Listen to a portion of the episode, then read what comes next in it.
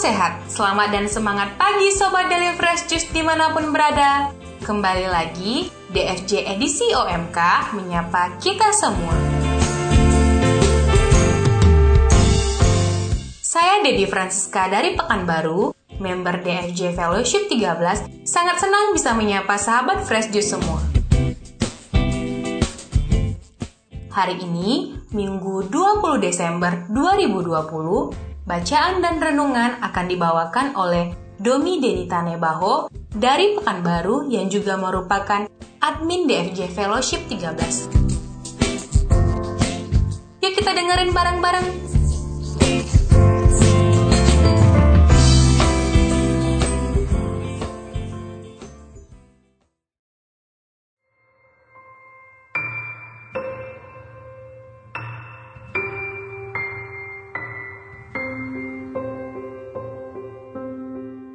Hai sahabat Fresh Juice, Om dan Tante, khususnya teman-teman orang muda yang terkasih. Selamat hari Minggu Advent keempat. Apa kabarnya hari ini? Semoga selalu penuh sukacita ya. Senang sekali dapat kembali menyapa sahabat Fresh Juice bersama saya, Domi Denita Nebaho dari Pekanbaru di Renungan Daily Fresh Juice edisi OMK.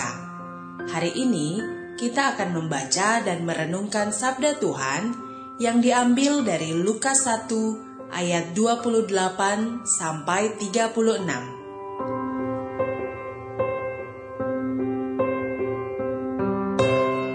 Inilah Injil Yesus Kristus menurut Lukas. Dimuliakanlah Tuhan. Dalam bulan yang keenam, Allah mengutus malaikat Gabriel ke sebuah kota di Galilea bernama Nazaret kepada seorang perawan yang bertunangan dengan seorang bernama Yusuf dari keluarga Daud.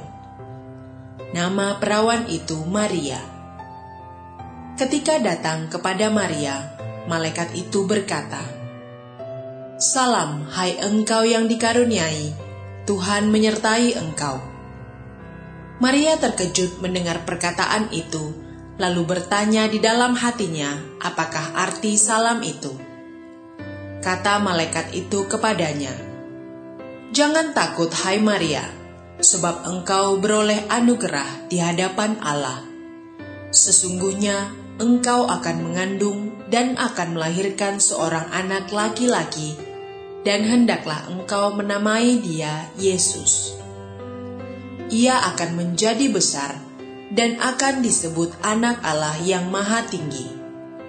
Tuhan Allah akan mengaruniakan kepadanya tahta Daud, bapa leluhurnya.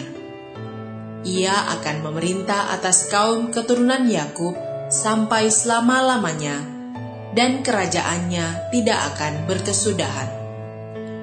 Kata Maria kepada malaikat itu, "Bagaimana caranya?" Padahal aku belum bersuami. Jawab malaikat itu kepadanya, Roh Kudus akan turun atasmu, dan kuasa Allah yang maha tinggi akan menaungi engkau. Sebab itu, anak yang akan kau lahirkan itu akan disebut kudus, putra Allah.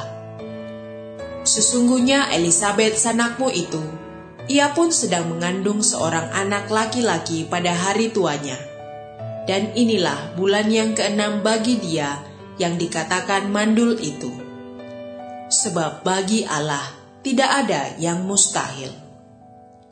Kata Maria, Sesungguhnya aku ini hamba Tuhan, jadilah padaku menurut perkataanmu itu. Lalu malaikat itu meninggalkan Maria. Demikianlah Injil Tuhan. Terpujilah Kristus.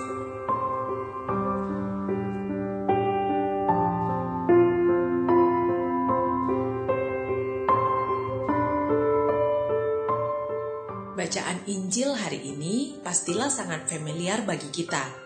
Kisah dalam Injil hari ini kita doakan dalam doa malaikat Tuhan maupun pada peristiwa gembira yang pertama saat berdoa rosario. Jawaban Maria atas kabar gembira yang disampaikan oleh malaikat Gabriel menjadi salah satu kalimat peneguh iman kita. Sesungguhnya aku ini adalah hamba Tuhan, jadilah padaku menurut perkataanmu itu. Kalimat yang sangat powerful dan menggetarkan hati.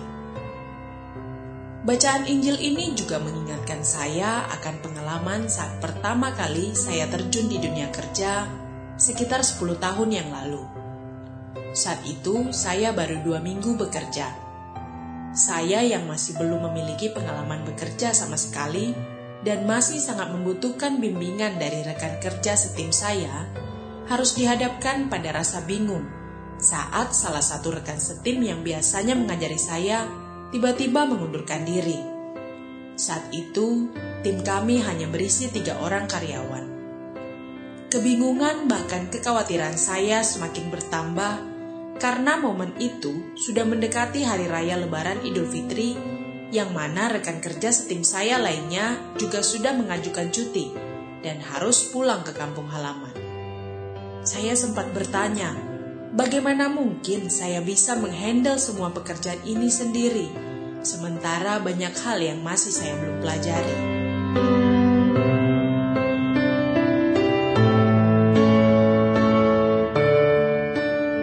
Maka, saat mendengarkan bacaan Injil hari ini, saya begitu kagum terhadap sikap Bunda Maria. Saat tiba-tiba harus dihadapkan pada tanggung jawab besar yang diberikan Tuhan kepadanya, Bunda Maria memilih berpasrah dalam iman. Berpasrah di sini bukan berarti ya sudahlah atau terpaksa menerima karena tak berdaya, melainkan pasrah karena taat kepada tuannya Padahal tugasnya bukan tugas kacang-kacang loh. Mengandung, melahirkan, dan membesarkan putra Allah. Terlebih lagi saat itu Bunda Maria masih sangat muda. Tentu saja, Maria pun bingung waktu menerima kabar dari malaikat Gabriel. Dia terkejut dan berkata, "Bagaimana caranya? Padahal aku belum bersuami." Bunda Maria sadar betul akan konsekuensi yang akan diterimanya. Hamil di luar nikah itu adalah petaka. Tunangannya akan marah besar dan meninggalkan dia. Hukumannya pun tak main-main. Dirajam sampai mati bila diketahui berzina. Karena belum tentu orang akan percaya jika dia mengatakan dia hamil karena Roh Kudus. Namun Maria menerima beban itu tanpa mengeluh. Dengan hati dan sikap yang terbuka, Maria mau bekerja sama dengan Tuhan. Maria meyakini hal itu sebagai sebuah rencana Tuhan yang luar biasa.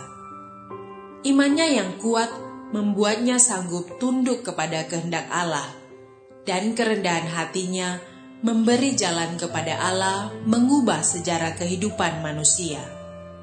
Jawaban "ya" yang menjadi pintu gerbang Tuhan untuk mengunjungi umatnya.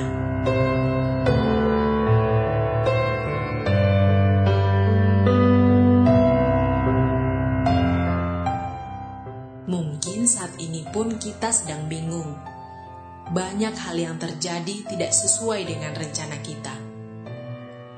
Hari Natal semakin dekat, tapi kita tidak bisa pulang dan berkumpul dengan keluarga target-target dalam pekerjaan dan kehidupan yang sudah kita buat di awal tahun, bahkan jauh sebelumnya, tidak tercapai dan gagal terlaksana.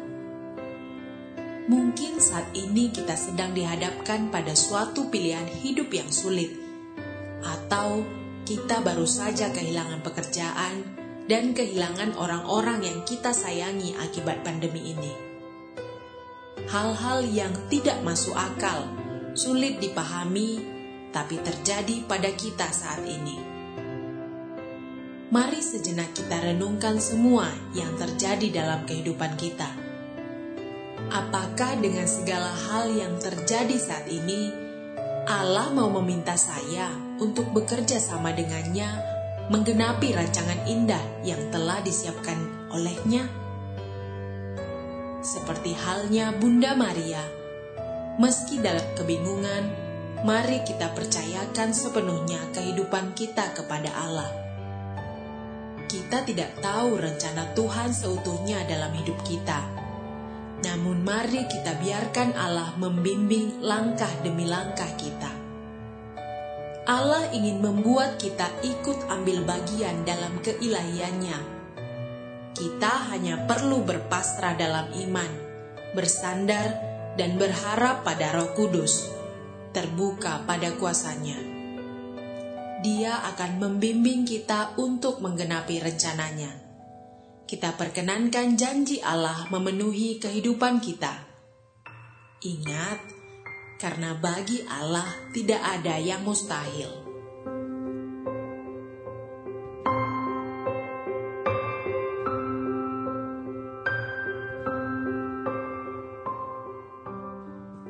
Nah, terkhusus untuk teman-teman OMK yang tergabung dalam grup WhatsApp Daily Fresh Juice.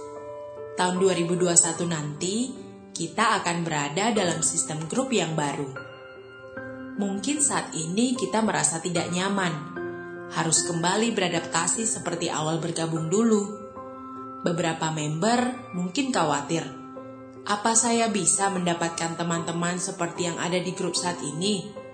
Apakah grup saya nanti akan kompak seperti sekarang? Berpisah saat lagi sayang-sayangnya. Yuk teman-teman, kita belajar dari Bunda Maria mari kita buka hati pada rencana Tuhan. Sesuatu yang lebih indah mungkin saja menunggu kita di grup yang baru. Tapi kita harus mau bekerja sama ya. Jangan hanya jadi silent reader. Berikan apa yang mampu kita berikan dan menjadi berkat di grup mana pun kita nanti. Sahabat Fresh Juice, minggu ini adalah minggu terakhir masa Advent. Artinya, ini kesempatan kita untuk melihat lagi sudah sejauh mana persiapan kita menantikan Tuhan. Selamat mempersiapkan Natal bersama keluarga dan orang-orang terkasih. Tuhan memberkati aktivitas kita hari ini. Sampai jumpa lagi.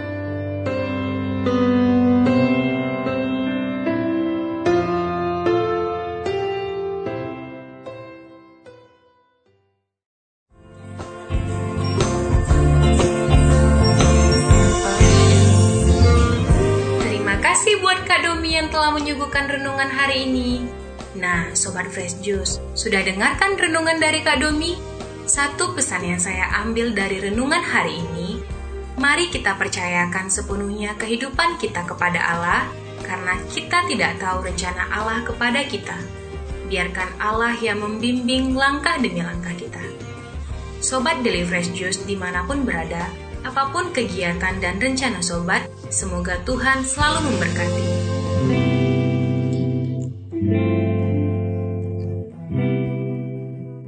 Nah, buat sobat OMK yang ingin bergabung dengan grup WhatsApp Daily Fresh Juice, silahkan DM ke Instagram at.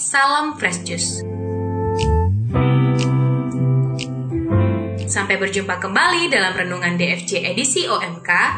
Terima kasih dan tetap jaga kesehatan.